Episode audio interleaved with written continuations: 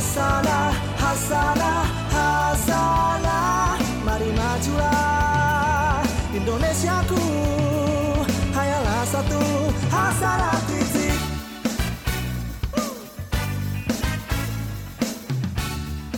Assalamualaikum warahmatullahi wabarakatuh. Hai Sahabat Asana, ketemu lagi dengan aku Erlangga Di podcast Jalan Kebaikan Official Youtube dan Spotify BNI Syariah. Senang banget rasanya Erlangga bisa nemani Sahabat Asana pada episode kali ini Sahabat Asana, adanya pandemi COVID-19 ini tidak hanya berdampak pada ekonomi global, tapi juga berdampak pada proses penerimaan pegawai. Tentunya bagi sahabat Asana yang masih bekerja pada saat ini sudah mengenal dengan namanya WFH atau work from home, di mana kita bekerja satu hari di rumah, satu hari di kantor, atau bisa dibilang shifting lah ya.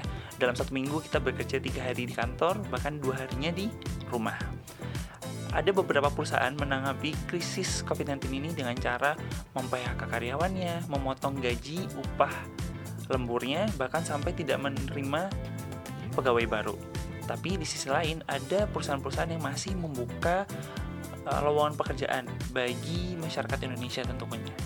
Hal ini harus ditanggapi dengan vibe positif dan proaktif bagi sahabat Asana yang tentunya masih mencari pekerjaan pada masa sulit ini sudah ada di samping saya teman kantor nih dari divisi HCD, Human Capital Division, yang akan membagikan tips and trick bagi sahabat Asana untuk mencari pekerjaan pada masa pandemi kayak gini. Assalamualaikum Mas Jejes. Waalaikumsalam Mas Erlangga. Nah, bagaimana kabarnya Mas? Alhamdulillah baik. Nah, kalau boleh tahu nih Mas, Mas Jejes sekarang di divisi HCD di bagian apa Mas? Eh, saya di divisi HCD itu bagian unit rekrutmen, Itu tuh bagian rekrutmen dan assessment. Hmm, rekrutmen dan assessment Yes, ya. Jadi bagian sekali. menerima pegawai ya. Iya, Pas benar. banget sama tema kita pada episode kali ini ya. Iya, siap. Nah, Mas bisa ceritain nggak sih Mas kena asal uh, asal mulanya HCD itu gimana sih? Kenapa harus HCD? Kan Eh. biasanya orang bisa mengenal tuh HRD gitu Mas. Oke, kalau HRD bedanya sama HCD kalau HCD itu kan kepanjangannya eh, Human Capital Division ya. Iya. Kenapa kita pakai bahasa Human Capital Division? Karena kita meyakini bahwa pegawai itu adalah aset yang penting bagi suatu perusahaan. Oleh karena itu kita menggunakan Human Capital Division untuk namanya. Eh, HCD kepanjangannya sebagai Human Capital Division atau biasa dikenal eh, dalam bahasa Indonesia sebagai Divisi Sumber Daya Insani di BNI Syariah. Sumber daya insani. Iya, sebagai eh, divisinya namanya sumber daya insani. Sumber daya insani. Iya. Arti insani dari sumber daya insani itu apa Mas? Sumber daya insani, insani itu kalau diartikan itu kan manusia sebenarnya sama aja namanya. Jadi Oh, untuk lebih karena kita- manusia kan? Iya, Nah. karena kita eh, bank syariah, Mm-mm. jadi kita menggunakan insani di dalamnya. Oh begitu. Jadi uh, ini ini ya lebih memuliakan manusia untuk bekerja ya. Iya, gitu. betul. Gimana kita uh, bukan hanya menganggap dia sumber daya, tapi dia adalah aset bagi perusahaan. Iya. Seperti itu mas ya. Manusia adalah aset perusahaan yang penting bagi perusahaan yang harus kita kelola dengan baik. Mas Jajas udah berapa lama nih bekerja di BNI Syariah? Saya kerja di BNI Syariah itu sejak 2013. Tang- 2013. Iya 2013 tiga tang eh tanggal 13 bulan Mei. Jadi kalau sampai 2020 saat ini sudah tujuh tahun tahun- enam bulan ya. tujuh tahun enam setengah ya. Iya benar. Lumayan lama ya. Terus selama bekerja itu mas dipindah-pindah atau gimana? Saya masuk itu di unit rekrutmen dan assessment. Dari saya sejak masuk sampai sekarang unitnya tetap rekrutmen dan assessment. Tujuh Tapi tahun itu di situ-situ aja. iya.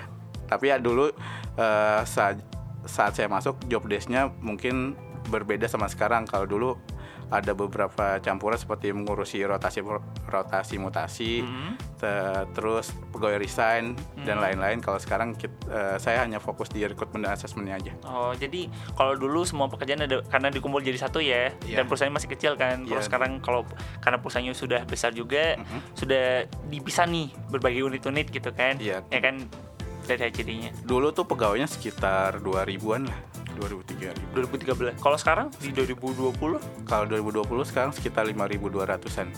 Jadi biar lebih fokus eh, kita lebih berkembang ba- lagi nih unitnya yang ada di di HCD. di ACD Di iya benar. HCD.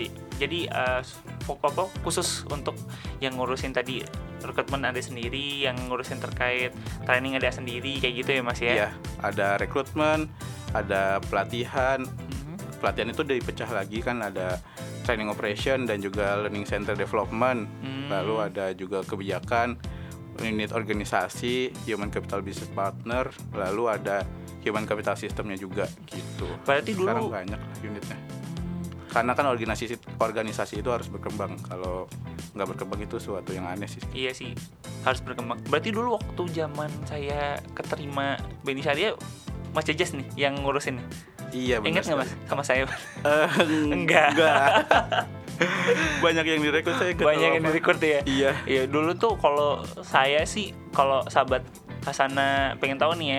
Dulu tuh kalau saya eh, lama tuh rekrutmennya 4 bulan. 4 bulan dengan 7 7 kali apa sih tes ya atau 7 7 apa sih rintangan kalau nggak saya dari tes administrasi terus Mulai dari job posting, iya, job posting, eh, eh. terus Mas kan ODP ya? iya ODP. Oh, eh, program Offi- eh, Officer De- Development Program tuh. hmm, hmm. Kalau di BNI Syariah rekrutmennya itu untuk saat ini ada beberapa jenis. Pertama Binasana, Hmm, Assistant Development Program atau disingkat ADP. hmm, Terus Officer Development Program. hmm. eh, lalu ada lagi Digital IT. Oh iya digital Ya, DJIT, digital ha, IT. benar itu fokus buat yang IT. Iya, fokus Terus IT. habis itu yang pro hire. Pro hire. Nah, kalau masalahnya kan yang ODP tuh Hmm. beberapa tahapnya ada banyak sih ada mulai dari job posting, Hmm. terus seleksi administrasi, Asumsi. terus uh, Eh, leaderless group discussion, Iya, el- iya, dus- group ya kan? discussion, Yes, benar. leader. masih inget. Ah, masih ingat, masih ingat. Terus psikotes. Psikotes, Lalu interview, interview, interview interview dengan- psikotes.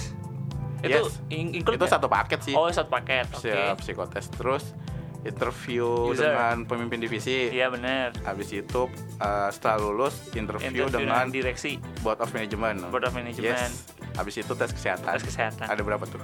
Tujuh. Enam. Eh tujuh ya? Tujuh. Yes. Ya, yang ke-8 PKWT alhamdulillah Iya, keterima di Beni alhamdulillah Syariah. terima. Dari pelamar itu lebih dari 10.000 ribu biasanya. Iya, kalau di tahunku tuh 21 sekian. Eh, di total. Ya, itu kan paling, paling iya kan angkatanku tuh paling banyak kan yang kalau eh, kelilingnya Indonesia banyak tuh loh, Mas. Ya kan, Oh, Bang? 10 iya, kota kalau nggak salah, 10 kota di, di Saat tahun. masih itu seluruh kota 10 kota ya. Ya 10 kota kalau nggak salah. Sampai Makassar paling jauh. Iya benar Makassar. Iya kan? Yes. Dulu job postingnya di Unhas itu Makassar. Iya di UNES. Benar sekali. Balik lagi ke fokus pembicaraan kita di awal tuh, Mas. Kan lagi susah nih masa pandemi kayak gini nyari pekerjaan. Iya. Nah, sebagai yang biasa ngurusin rekrutmen orang nih, Hmm. Mas Jajas nih, bisa kasih saran nggak? Gimana sih caranya kita, apalagi fresh graduate dulu ya. Kalau dulu kan aku awam ya, aku empat bulan untuk menunggu itu awam banget. Jadinya di Beni Syariah nunggu tapi sambil nyari yang lain. Nah, Oke. dari Mas Jajas ini gimana sih sebagai kita fresh graduate untuk bisa cepat dapat kerjaan Bisa, di masa pandemi kayak gini? bisa dapat cepat kerja di masa pandemi ini. Hmm, hmm. Mungkin eh, untuk bisa cepat kerja di masa pandemi ini ya. Mungkin untuk sementara di saat ini kita tahu kan ini masa-masa sulit ya di masa pandemi ini. Mungkin kita bisa manfaatin peluang yang ada yang datang kepada kita. Hmm. Kita harus mengukur seberapa besar sih peluang kita dapat pekerjaan itu untuk saat itu. Selain itu, tadi yang manfaatin peluang kerja yang datang kepada kita, selain itu mungkin cara yang kedua ya mungkin kita memperbanyak jaringan dan sama teman. Mungkin Hmm. dari teman-teman eh, dari jaringan yang memperluas jaringan sama teman tadi ada rezeki datang dari salah satu teman kita tadi Iya, iya. gitu. Memperluas jaringan ya, koneksi Iya. untuk kali aja ada teman yang bisa nyadiin kita kerjaan kayak gitu. Iya betul. Kalau balik dari poin pertama, Mas, eh, saya mau nanya, kalau saat ini kita dikasih kerjaan, tapi kita tuh nggak menguasai kerjaan tersebut, bagusnya kita ambil atau tidak? Di masa pandemi atau di era sebelum pandemi? Masa pandemi kayak gini. Di masa pandemi mungkin untuk saat ini kita belajar dulu ya. Hmm, Kita terima dulu aja nih. terima dulu. Kenapa? Karena mungkin kan banyak pengangguran juga.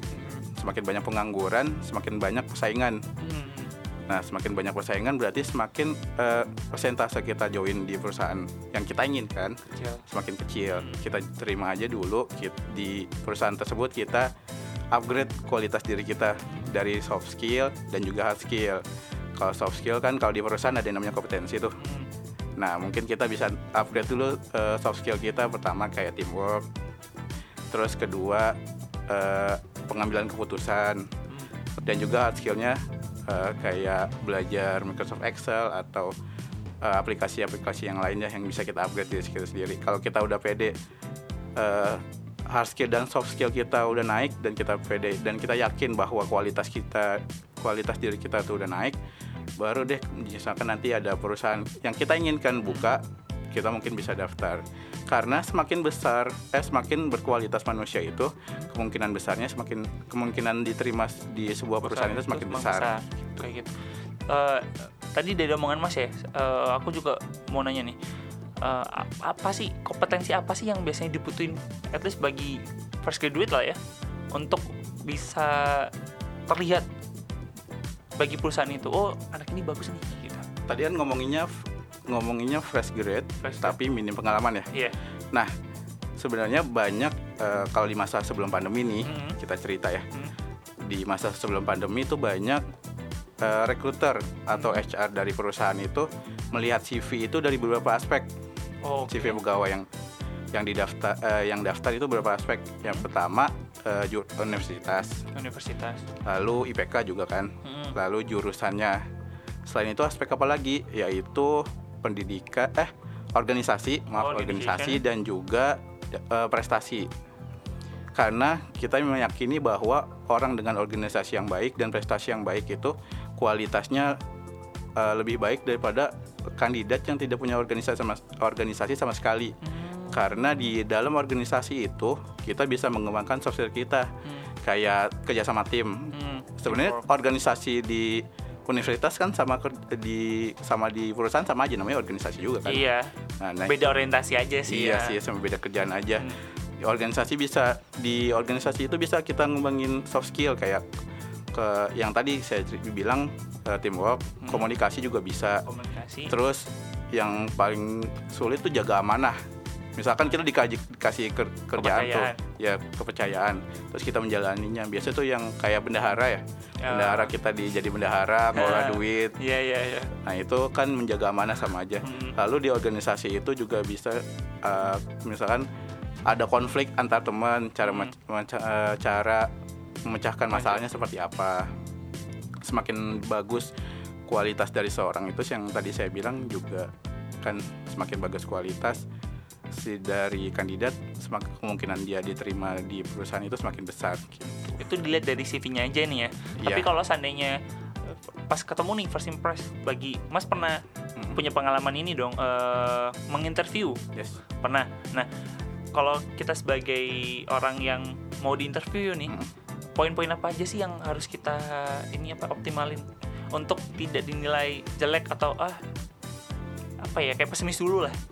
Oke, mungkin untuk di awal kalau misalnya baru ketemu ya, Hmm. mungkin dari good looking dan juga komunikasi.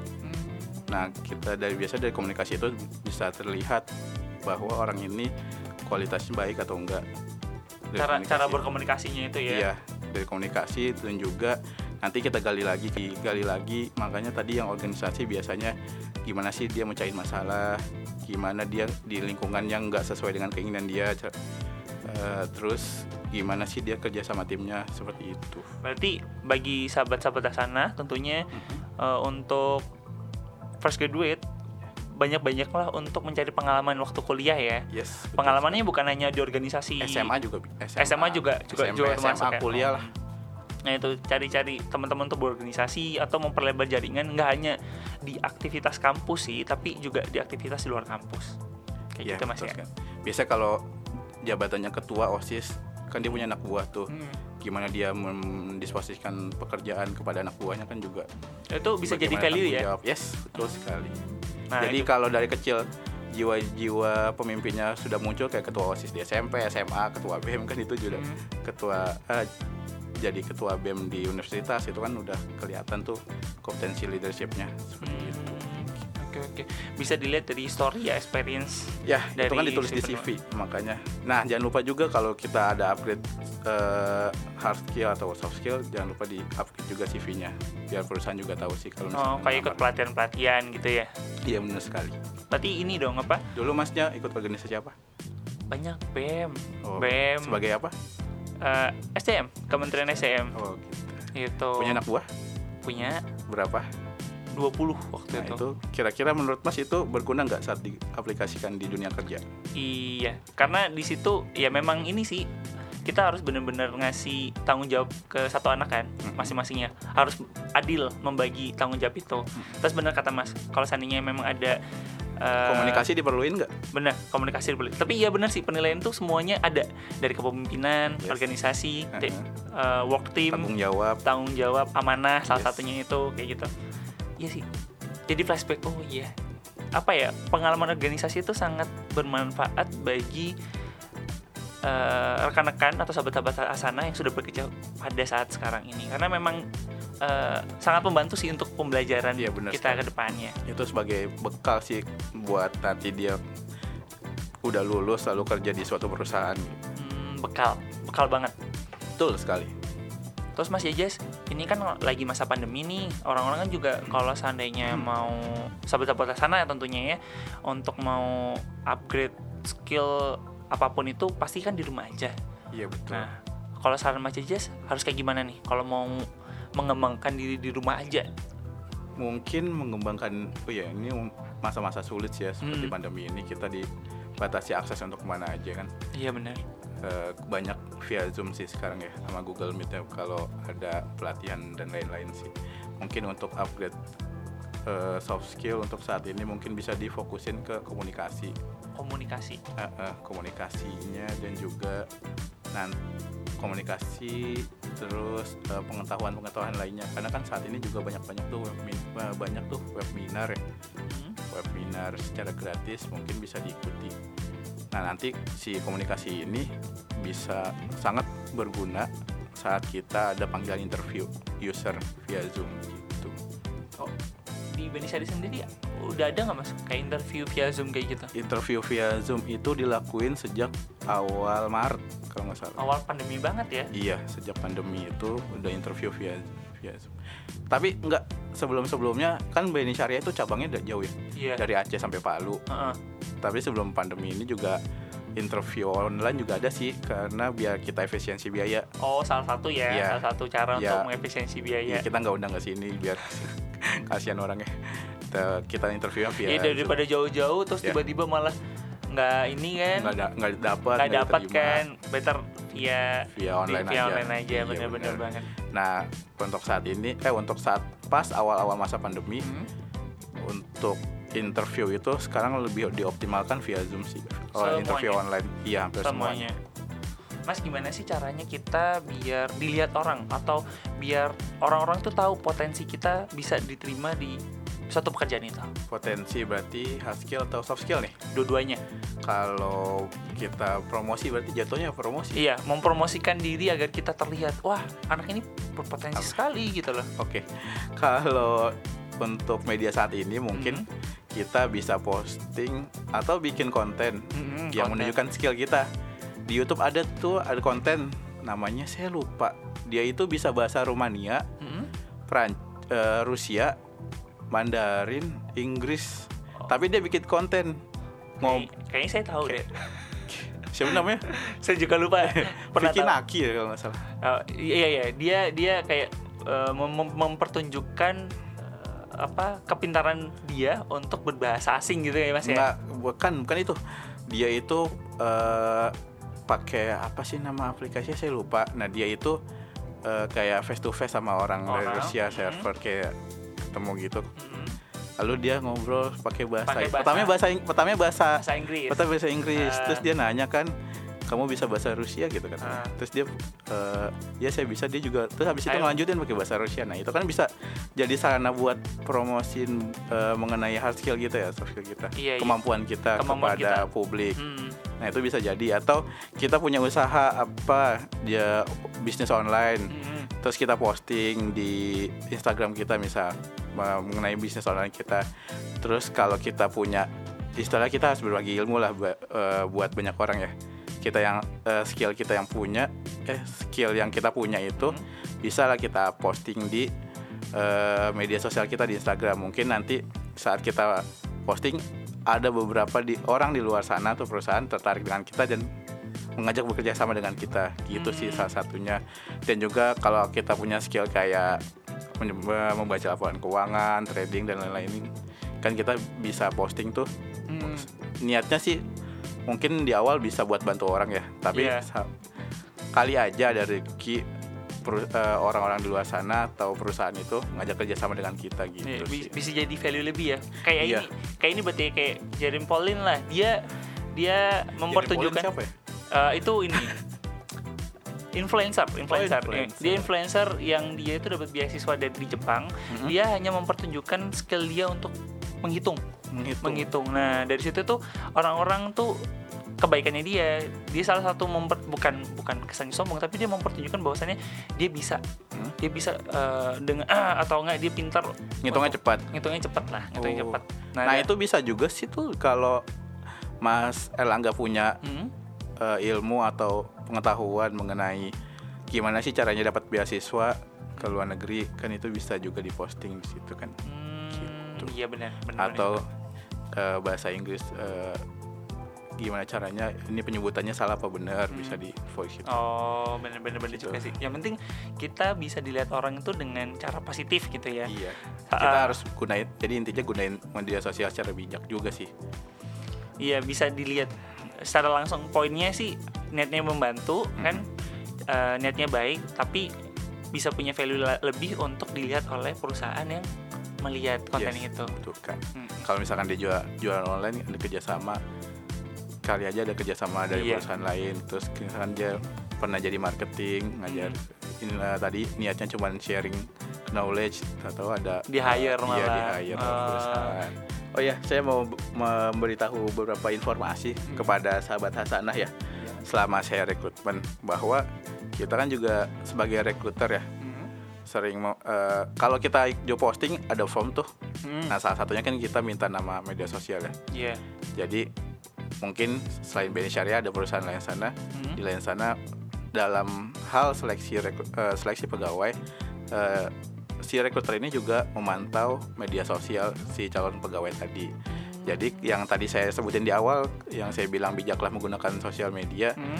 bahwa misalkan di interview awal tuh dia udah interview nih. Hmm. Nah ternyata setelah dicek postingan eh, media sosial media sosialnya Sosialnya. atau Instagramnya ya Hmm. dicek ternyata tidak sesuai dengan hasil eh, yang dia ucapin saat interview gitu. Hmm. Nah itu biasanya juga berpengaruh terhadap penilaian user gitu sih. Iya sih kayak bisa ins- insta apa sosial media itu bisa mencerminkan orang itu seperti apa kayak gitu ya Mas ya. Iya benar.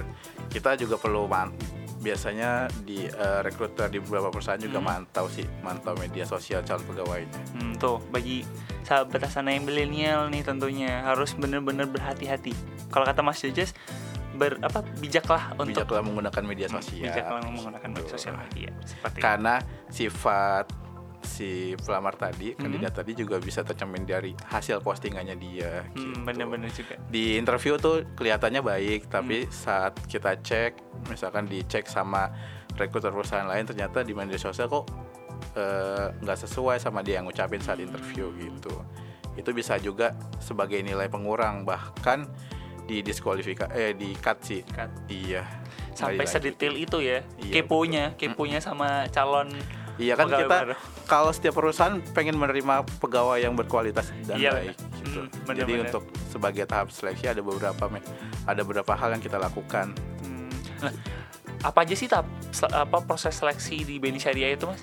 Eh, untuk secara garis besar yang pertama kita apa nih untuk binasana ADP Assist Developer Program yang atau yang inilah yang paling panjang deh, yang paling panjang. yang paling panjang itu hmm, kita se- eh saya contohin Officer Development Program ya. Hmm. Kalau Officer Development Program kan tadi yang saya sebutin tuh di awal job posting, lalu seleksi administrasi.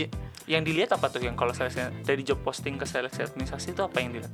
Job posting itu yang tadi saya sampaikan di awal bahwa kita fokusnya itu pertama di universitas. Eh, pertama itu kan ada syarat-syarat yang Hmm. kalau di iklan tuh ada tuh persyaratan minimal Hmm. umur berapa Oh, gitu oke, kan, oke, belum ha. menikah, terus statusnya gitu. Hmm. umur terus eh, minimal pendidikan apa nah itu kita diseleksi seleksi setelah sem- semuanya clear kita lihat setelah itu universitasnya Hmm. terus jurusannya apa terus organisasi sama data prestasi sih Hmm. Kalau ada tambahan pengalaman eh, wirausaha juga lebih baik tuh kadang-kadang kita nyantumin tuh pengalaman wirausaha Hmm. di formnya pengalaman usaha, pengalaman organisasi, data prestasi. Oke, habis itu dari seleksi administrasi Hmm. ke Kita kumpulkan yang terbaik. hmm, Habis itu eh, focus group discussion atau leaderless group discussion. Yang dicari di FGD itu apa? Biasanya kan banyak nih an- bahkan ada Hmm. waktu pengalaman saya FGD Mas, itu lebih lebih fluent, lebih fluent ketika ngomong bahasa Inggris kan Eh, have to ya yes. untuk speaking English ya. Nah, kayak Yeah. gitu itu apa yang dilihat Mas? Eh, selain kema- kemampuan komunikasi dalam bahasa Inggris, lalu ada juga beberapa soft skill yang kita nilai, seperti inisiatif dan juga eh, komunikasi seperti itu dan lain-lain. Ada hal lain. Inisiatif Penilaiannya. untuk membuka omongan ya. Ya. Terus dari FGD Setelah FGD psikotest. psikotes. Iya. Oke. Setelah lulus psikotest itu interview user. Mm-mm. Interview user, interview board of, mana- board of management, habis itu medical check up. Kayak gitu. Kalau kalau medical check up itu juga poin penting ya untuk untuk untuk penilaian. Iya, di medical check up itu ada beberapa kriteria yang sesuai dengan BNI Syariah. Misalkan Hmm. ada beberapa eh, yang bersangkutan kan di medical check up ada tes narkoba juga tuh Iya. dan juga tes penyakit menular dan lain-lain. Ada Hmm. beberapa kriterianya sih. Itu juga bisa sebagai salah satu penilaian apakah pegawai tersebut eh calon pegawai tersebut lolos atau enggak Hmm, gitu. jadi memang kesehatan bagi calon pegawai itu juga Mm-mm. diutamain ya untuk untuk perusahaan itu biar nggak ada resiko di belakangnya. Iya benar banget. Iya kan? Gitu. Hasil medical check up kita analisa juga datanya apakah dia ada penyakit seperti ini, seperti ini. Apa eh, karena kan kita punya pedomannya juga tuh. Hmm, Nah, kita harus samakan sama standar yang ada di BNI Syariah juga. hmm, gitu. Oh iya, saya mau ngasih tambahan nih buat sahabat Hasanah ya. Hmm, Bahwa kalau kita kan buka biasanya job posting tuh secara online ya. iya. Secara online kita menyediain form sendiri. Kita udah eh, bikin form dan itu harus diisi oleh si kandidat atau si pelamar ya. Oh berarti udah nggak perlu CV lagi ya? Nah, ah, nah, ada beberapa perusahaan sih kalau tipe dalam rekrutmen itu ada Hmm. beberapa cara.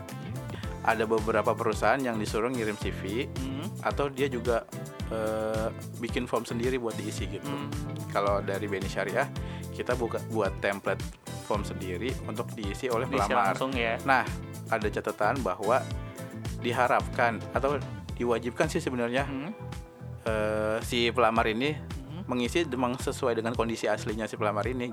Kondisi Paham nggak? Maksudnya ini gimana nih kondisi Mang- aslinya? Misalkan dia eh, S1 ngisinya S2. Oh, iya iya iya. Gitu. Dia Itu- itu- jurusannya- Itu, harus jelas sih, itu harus Iya. jelas sih ya. Nah, nah itu itu memang harus diisi secara real Ki. kan di misalkan kita isi form nih Hmm. ternyata di akhir-akhir form itu biasanya ada itu kan kayak eh, pernyataan bahwa data Hmm. yang diisi itu secara benar. Nah, Hmm. kalau di tengah jalan kita menemukan kejanggalan, Hmm. itu biasanya langsung kita cut gitu Hmm. karena nggak sesuai dengan eh, pernyataan tadi Hmm. gitu. Aku pernah kayaknya punya pernah pengalaman gitu mas. Jadi waktu dulu tuh ada salah- Gimana? di angkatanku waktu itu, Ah. waktu awal- awal-awal ya kan disebutin inilah, Muhammad Beni Syariah. ya inilah beberapa kandidat yang masuk di ODP gitu ya, Iya. Seret gitu dan salah satu pesertanya Hmm. yang sudah keterima itu ternyata sudah menikah. Sudah menikah. Sudah Nah, menikah terus langsung dia ngisinya belum menikah. sepertinya Ah. sepertinya terus akhirnya ketika PKWT Berarti nggak sesuai persyaratan Iya, kan? sesuai Ya, persyaratan. pas iklan job postingnya kan. iya benar sembanget Nah, pas PKWT terus Nah itu pas PKWT ternyata nggak ada orangnya. Nah waktu itu saya awam ya mas ya. Waktu Ah. saya awam nggak tahu apa apa. Ternyata memang untuk baik khususnya ya bagi uh, sahabat-sahabat sana yang sudah menikah itu nggak bisa melamar pekerjaan di Beni Syariah ya. Bukan nggak bisa melamar, Hmm. tapi eh, mungkin si pelamar itu harus menyesuaikan dengan eh, Job posting yang lo- iya, ada. job postingnya. Oh, Karena oke. kan kita ada standar standarnya tuh untuk Ah. job posting tersebut. Hmm. Biasanya kan di iklan ada tuh Hmm. maksimal umur berapa, Mm. belum menikah dan lain-lain. Kalau yang sudah menikah biasanya kan pro hire mas ya. Iya benar pro sekali. hire. Tapi Ah, kalau seandainya fresh graduate itu disarankan untuk uh, ikut ADP atau ADP ODP. Iya. Hmm. Nah, Mas ada berita baru nggak nih dari Beni Syariah untuk sahabat-sahabat Asana yang di rumah? Untuk pembukaan lowongan atau apa? Apa boleh buka lowongan atau info-info terbaru lah dari Beni Syariah? Untuk pembukaan lowongan kita kemarin mohon maaf sebenarnya kita baru saja udah eh, pembukaan lowongan itu udah tutup ya di Oh, beberapa kota, udah di beberapa tutup. cabang. Mm-mm, Yang terakhir itu cabang Padang sama Bandung. Mm-mm. Sebelumnya terakhir juga ada cabang Bumi Serpong Damai. Oh iya BSD. Nah ya. itu udah kelar, udah selesai juga sih. udah selesai. Iya, udah kelar. Dan kemarin Padang sama Bandung udah tutup juga job postingnya. Hmm. Untuk saat ini mungkin belum ada. Jadi untuk sahabat Hasanah, jika ingin tahu mengenai pembuka eh, mengenai info Mm-mm. pembukaan lowongan yang ada di BNI Syariah, sahabat Hasanah bisa eh, f- follow channel telegramnya rekrutmen BNI Syariah Hmm. atau bisa juga dipantau di website resmi rekrutmen BNI Syariah. Hmm. Eh, websitenya yaitu rekrutmen.benisyariah.co.id Hmm. gitu. Ya. Itu yang iklan resminya kita tampilkan di situ. Hmm. Kalau misalkan belum ada, misalkan ada timbul lowongan nih Hmm. di media sosial atau di koran mana lah atau di media lain lah. Hmm. Tapi di channel Telegram tadi dan di website resmi nggak ada. Ada. Nah itu mungkin salah satu dari penipuan ya. Hmm. Jangan dipercayain dulu. Jadi bener-bener banget untuk sahabat Hasanah pantengin di rekrutmen.bnisyariah.co.id dan Dan channel Telegram. channel Telegram Rekrutmen BNI BNI Syariah. Tuh. Makasih banget Mas Jaja sudah datang ke podcast Jalan Kebaikan pada episode kali ini ya. Sama-sama Mas Erlangga. Iya, mudah-mudahan insya Allah untuk ke depannya bagi sahabat Hasanah nih yang mau nyari kerjaan atau mau upgrade diri bisa ter- terinspirasi dari omongan Mas Jajas tadi. Amin. Amin ya rabbal alamin. Semoga episode hari ini berguna bagi sahabat Hasanah yang mendengarkan dan menonton. Amin ya rabbal alamin. Sekian dulu episode kita kali ini. Jangan lupa untuk menonton podcast Jalan Kebaikan di YouTube Official BNI Syariah. Jangan lupa untuk like, comment, subscribe, and share. Dan jangan lupa juga untuk dengerin untuk add to playlist, share, dan like di Spotify kalian. Erlangga undur diri. Wassalamualaikum warahmatullahi wabarakatuh. Hasanah, hasanah, hasanah Mari majulah Indonesiaku Hayalah satu Hasanah